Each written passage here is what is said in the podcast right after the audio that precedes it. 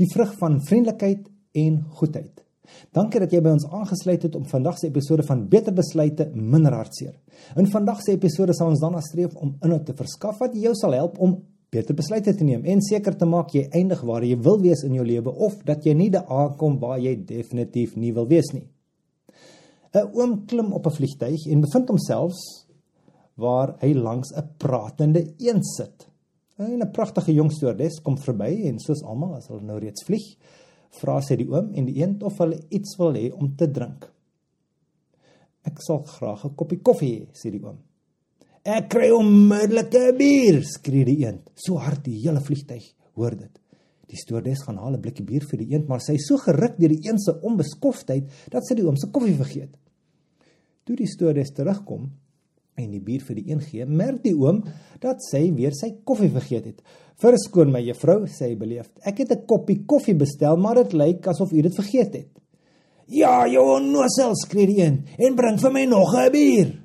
Die storie stap weg en dink aan hoe die een nou nog vloek en almal in die vliegtuig hoor dit. En weer eens onthou sy die bier, maar vergeet die koffie. Wanneer die stoordes terugkom, dink die oom, nou dis nou onbeskof. En vloek kry die eend alles wat sy wil hê. Nou ja, die oom vat al sy moed en hy begin ook te skree. Luister, ek het twee keer 'n koffie bestel, ek wil dit onmiddellik nou hê. Hm. Die stores verloor haar geduld. Sy gryp die oom en die eend uit hulle sitplekke uit met 'n kragtige skop, skop sy die nooduitgang oop en gooi die oom en die eend uit die vliegtuig uit. Nou ja, terwyl hulle val, sê die een vir die oom: "Jy weet oom, jy het 'n mooi groot bek vir 'n ou wat nie kan vlieg nie." Die kenmerk van vriendelikheid en goedheid is nou verwant. Saam stel hulle die prentjie voor van iemand wat nie net morele goedheid in en integriteit besit nie, maar dit ook mildelik uitdruk in die manier waarop hulle teenoor ander optree. Hierdie goedheid in aksie weerspieël God se vriendelikheid en goedheid teenoor ons. God se goedheid aan ons is getoon in ons verlossing en sal voortgaan om die onmeetlike rykdom van sy genade en goedheid teenoor ons te bewys tot in alle ewigheid. Teenoor ons te bewys Efesiërs 2 Die vrugte van die Gees is eintlik beter as die gawes van die Gees want die gawes kan misbruik word en het wette nodig om hulle te reguleer sodat hulle nie meer skade doen as goed nie. En as jy gawes het maar nie die vrugte nie is dit waardeloos soos Paulus in 1 Korintiërs sê.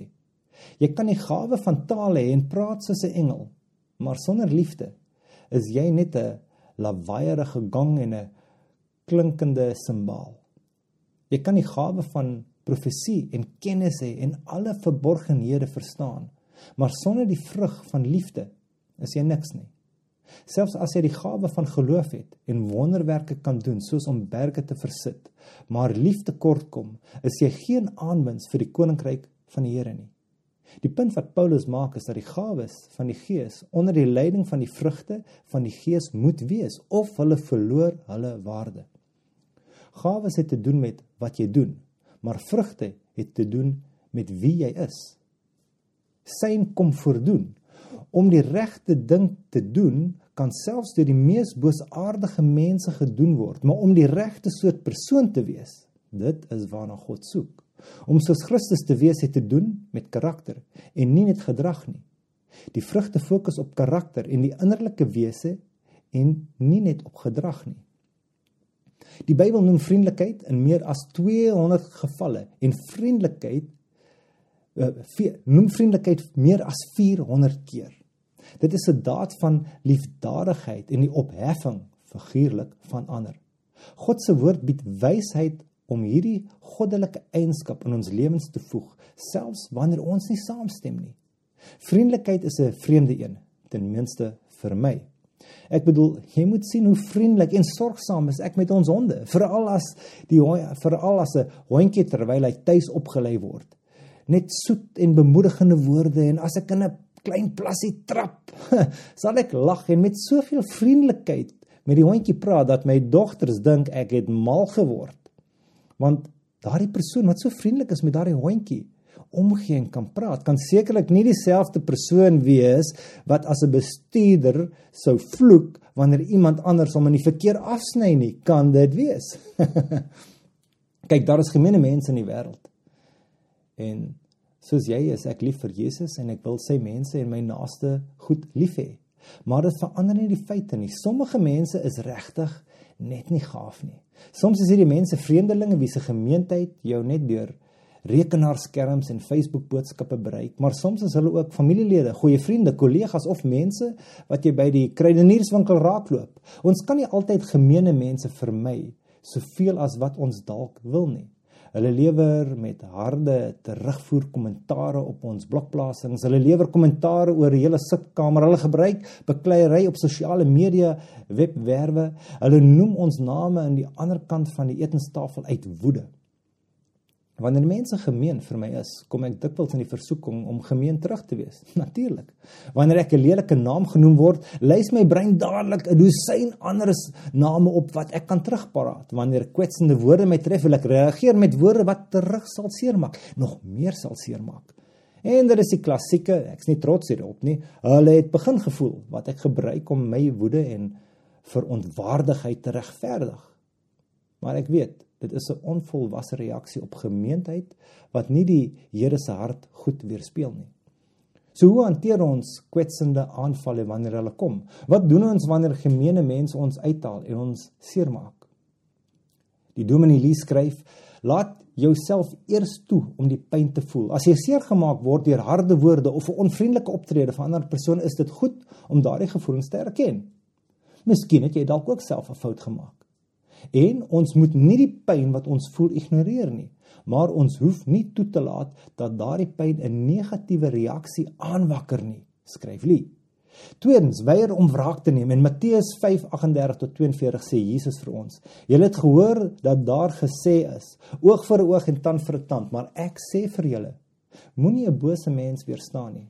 As iemand jou op die regterwang slaan, draai ook die ander wang na hom toe." Foo. En as iemand jou wil dagvaar en jou hemp wil vat, gee ook jou jas. As Christene moet wraak nooit ons reaksie wees wanneer ons verontreg of seergemaak word nie. Soms skryf Dominee, moet ons eenvoudig wegstap van gemeene mense wat 'n groot hoeveelheid krag, waardigheid en moed verg. Om terug te veg wanneer ons verontreg word, gaan net die siklus van gemeenheid voort in plaas daarvan om die sagkens te stop met ons liefde in die plek van woorde. Derdens, wees vriendelik. Vriendelikheid is nie dieselfde as ons sal deurmatte wees nie, verduidelik Lee. Ons kan genade vervul wees selfs in die aangesig van onvriendelikheid. 2 Korintiërs 6 3 tot 6 sê, ons plaas geen struikelblok op iemand se pad nie, sodat ons bediening nie gediskrediteer sal word nie. As dienaars van God skryf ons onsself eerder in elke opsig met groot verhaal volharding in probleme, ontberinge en benoudhede, in reinheid, begrip, geduld en vriendelikheid. Dus die volgende keer as jy langs 'n een sit of in die versoeking voel om op te tree asof jy vlerke het, dink voor jy nuttelose woorde sal spreek. In die Bybel lees jy teks. Maar ek sê vir julle dat van elke ydelle woord wat die mens spreek, daarvan sal rekenskap gee in die oordeelsdag.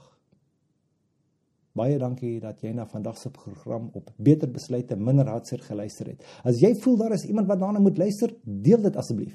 Die inhoud wat in hierdie podcast gebruik word, is gebaseer op verskeie bronne van Christelike bedieninge. My naam is Haiku. God seën jou en onthou, aanhouer wen.